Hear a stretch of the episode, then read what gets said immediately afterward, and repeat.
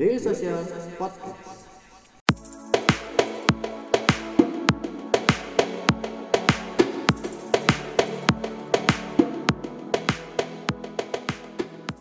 Halo teman-teman DS Podcast, di mana pun kalian mendengarkan dan kapan pun kalian mendengarkan.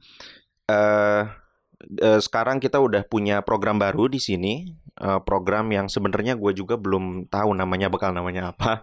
Tapi this one is eh pod our podcast yang kolaborasi bareng sama M Target. Dan kita bakal banyak ngomongin tentang digital marketing dan juga eh, bagaimana eh, digital marketing bisa impactful buat bisnis dan juga buat eh, masyarakat gitu ya pada umumnya. Nah, eh, sekarang gua untuk episode awal ini gua udah bareng sama salah satu pegiatnya nih di Indonesia.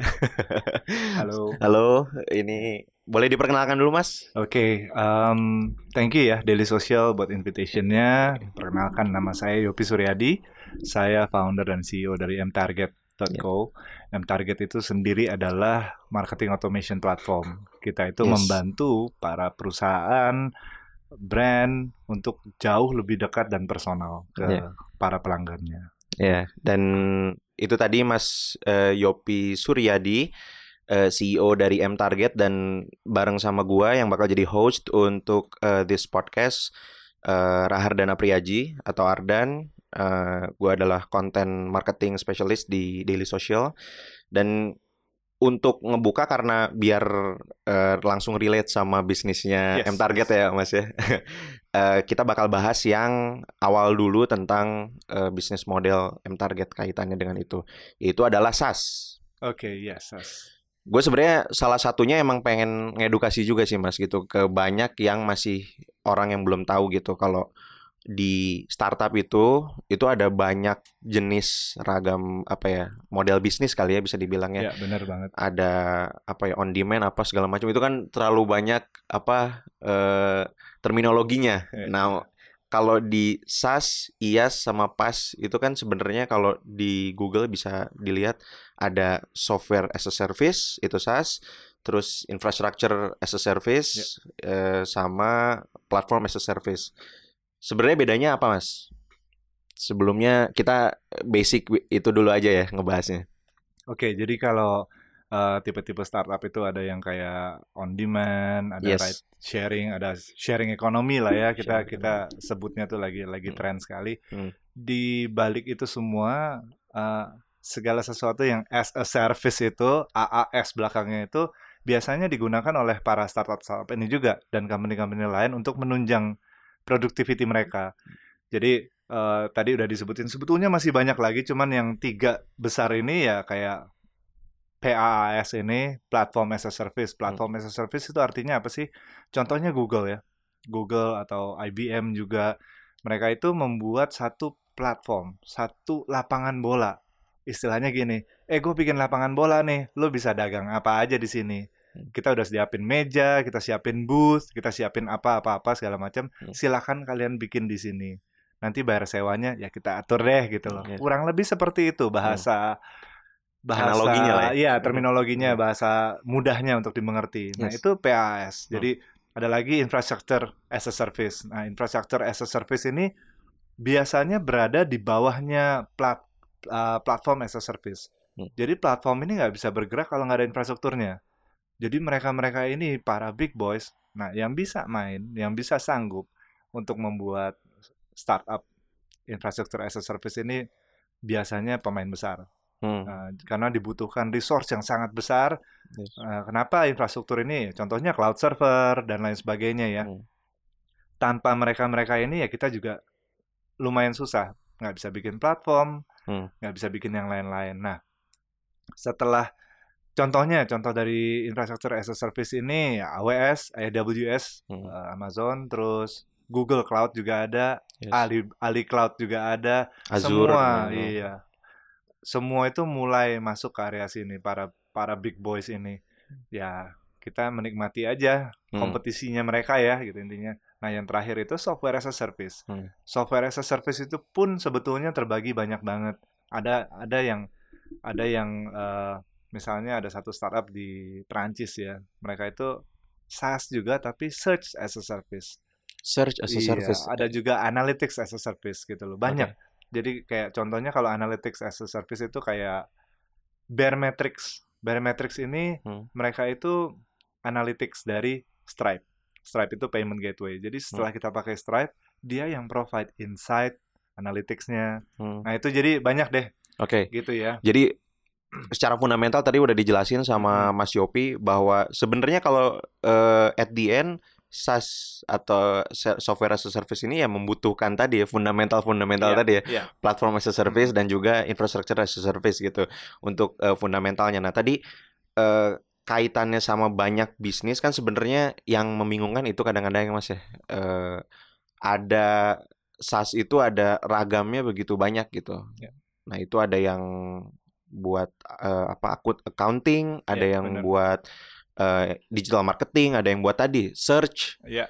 Itu sebenarnya kalau misalnya dibagi secara kasar bisa nggak sih Mas dibagi kira-kira SaaS itu ada jenisnya apa aja Oke, gitu? oke. Jadi begini nih, Eh, kayak di dunia teknologi sekarang ini ya, dunia software ini juga ada rantai makanannya gitu. Hmm. Jadi dimulai dari brand besar, mereka itu biasanya dulu melakukan semuanya in-house. Mereka bikin software sendiri untuk apa pun itu, marketing, POS dan lain sebagainya. Terus mereka bikin platform sendiri. Terus mereka bangun infrastruktur sendiri, data center sendiri. Nah, cuman kan itu kan takes time, makan resource banget banget. Hmm. Dan dan sekarang startup-startup ini bermunculan untuk disrupt proses bisnis seperti itu. Jadi para brand ini udah nggak perlu lagi bikin sendiri semuanya. Iya. Mereka tinggal berlangganan aja masing-masing. Nah, di SaaS ini sendiri kita juga menyumbang kontribusi ke para brand ini dalam melakukan kegiatan bisnis mereka supaya jauh lebih efisien satu, yang kedua jauh lebih produktif, yang berikutnya menghasilkan revenue yang banyak. Gitu. Karena tujuan dari bisnis adalah making more revenue every Hmm. Nah, itu jadi eh, di M Target sendiri SaaS kita itu bergerak di area digital marketing. Ada juga SaaS yang buat healthcare atau atau yang lain-lain ya. Yes. Eh, intinya itu dari dari semua as a service ini adalah subscription. Jadi mereka berlangganan eh, membayar untuk service yang diberikan. Hmm. Service itu bisa berupa software, Hmm. bisa berupa ya tadi tadi itu Yang ya, tadi yang- analytics dan lain sebagainya.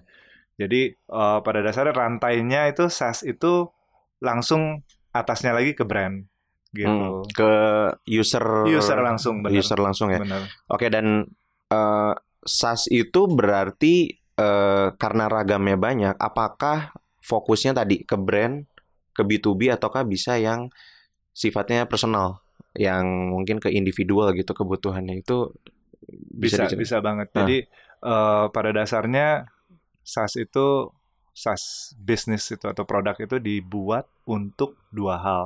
Hmm. Yang satu adalah productivity, yang kedua adalah menambah revenue. Jadi misalnya kita mau mulai sesuatu nih individual ya anggap aja ya Hmm. saya mau jualan eh, sandang, ya elah sandang, Sandang. fashion lah ya Sandang itu apa? Oh, ya. fashion. gue langsung mikir soalnya bahasa zaman kapan tuh ya? Iya, zaman gue SD. Jadi jadi eh, Tuh. Misalnya gue mau jualan fashion gitu, baju-baju laki-laki. Mm-mm. Eh, terus gue mau cepet. Gitu. So gue mulai melakukan iklan, punya Hmm. sosial media, dagang di Hmm. di ya platform-platform marketplace ya. Terus gimana caranya kita retain Hmm. gitu loh, retain. Gimana caranya kita ngasih tahu calon pelanggan atau pelanggan kita ini yang cocok nih buat kalian bisa dilakukan manual. Kita Hmm. bisa teleponin satu-satu, Hmm. kita bisa kirimin surat satu-satu, atau kita pilih berlangganan software. Yang akhirnya kita bisa melakukan semua kegiatan itu ke orang yang banyak dalam waktu yang singkat dengan hasil yang jauh lebih maksimal. Hmm. Tentu ada investment yang harus dilakukan yaitu biaya berlangganan itu. Kalau Jadi- yang M Target lakukan Jadi kalau- untuk productivity dan apa tadi re- revenue ya atau Iya, eh, iya. itu bisa dua-duanya berarti. Bisa, bisa. Jadi eh, pada dasarnya yang kita lakukan itu eh, di di corporate ya. Kita bicara di corporate atau di di individual, biasanya tuh melakukan proses digital marketing atau tim marketing itu eh, lumayan sulit karena kita berhubungan dengan teknologi kita bicara. Harus ada yang namanya istilahnya programmer atau tim IT. Hmm. Biasanya di corporate itu ini terpisah. Jadi eh, dan birokrasi di corporate itu biasanya juga lumayan panjang. Jadi kalau kita mau bikin microsite aja nih, pop up aja, lumayan panjang prosesnya. Kirim tiket Hmm, ke iya. tim IT, pingpong, pingpong, pingpong, pingpong, Hmm. dan begitu jadi momennya udah lewat. Hmm. Gitu. Jadi kita dari sisi productivity dengan M Target ya tim marketing ini, tim digital marketing terutama bisa melakukan semua kegiatan yang berbau digital tanpa perlu melibatkan tim IT terlalu banyak Hmm. gitu loh. Kayak landing page lu bisa bikin Iya, sendiri, kayak iya. gitu-gitu kan sebenarnya. perlu bisa coding sekarang udah bisa bikin landing page Yes, gitu ah. loh. Jadi jadi cepat banget prosesnya. Yang kedua untuk nambah revenue, ya kalau itu semua sudah dilakukan dengan baik, revenue itu strategi kita ngomongin ya. Hmm. Otomatis akan bertambah dengan sendirinya. Seperti halnya apa ya? Canva juga gitu kan? Ya. Oh, udah lu nggak perlu orang yang jago Adobe lagi ya, Iya, segala iya, macam. iya, iya. Illustrator segala macam, tapi lu bisa langsung ngedit sendiri gambar kayak gitu ya. benar. Itu juga yang dilakukan jadi sebenarnya tadi kalau untuk eh, B2B atau B2C gitu, untuk personal atau untuk yang brand, Ya. sebenarnya Bisa, bisa dilakukan dua-duanya gitu ya. benar. Cuman yang lebih spesifik harus dilihat adalah bahwa SaaS itu bertujuan untuk eh, tadi membantu productivity dari brand atau individual tersebut dan juga untuk bisa eh, revenue stream juga Benar, gitu ya. Benar banget. Dan apakah kalau untuk di B2B yang gue lihat soalnya ya Mas ya eh SaaS ini banyaknya menyasar ke UMKM. Itu kira-kira faktor apa ya gitu? Apakah karena memang nggak tahu itu itu tren yang gue lihat tren yang eh gua secara lihat secara kasar gitu ya. Kalau misalnya yang lu lihat apakah memang kebanyakan fokusnya menyasar UMKM atau banyak juga kok brand eh, di sini yang make produk lokal gitu untuk SaaS-nya gitu. Itu kira-kira menurut lu gimana? Eh, kalau bicara UMKM ya Hmm. di Indonesia itu seksi banget gitu kita selalu bicara wah UMKM ada sekian belas juta malah Iya. sekarang mungkin sekian puluh juta. Tapi eh, challenge yang dihadapi juga adalah satu edukasi. Hmm. untuk edukasi itu nggak mudah. Makanya kita perlu seorang Nadim untuk jadi menteri pendidikan. Wah apa coba hubungannya? Tapi tapi intinya itu eh, untuk educate the market itu Hmm. memang perlu effort dan resource. Hmm. Nah, jadi sah-sah aja sih menurut gua kalau kalau para brand-brand ini menyasar dengan cara masuknya itu edukasi ya. Hmm. So it's good actually. Jadi kita juga kita juga seneng mereka well educated. Saya ngerasain punya pengalaman lah gitu ya Hmm. istilahnya coba masuk ke market UMKM Hmm. dan dan dengan keterbatasan waktu dan resource kita itu lumayan challenging Hmm. gitu. Nah, yang kedua B2B company-company yang menggunakan SaaS lokal ini saya support banget. Jadi jadi gimana ya? Eh, kalau dibicarain soal fitur, fitur kita juga nggak nggak nggak nggak kalah dengan dari luar. Tapi yang kita menang banyak dari luar itu adalah local support. Local support itu banyak dari klien-klien kami tuh yang berpindah gitu loh. Karena local support ini Bentuknya apa biasanya supportnya? Local support tuh misalnya kita nggak cuma jualan software untuk dipakai, tapi kita maksimalkan mereka gimana caranya pakai tools ini sampai maksimal. Gitu. Hmm. Jadi kita kita ada workshop, kita bikin, terus kita ada customer success yang melakukan customer visit gitu. Terus kita kita melakukan FGD juga dengan dengan dengan klien-klien kita yang untuk misalnya ada input apa nih. M Target sekarang tuh terbentuk dari hasil input para customer kita. Iya. Gitu. Yang Jadi- lu lakuin juga lebih ba- banyak juga yang sifatnya apa ya?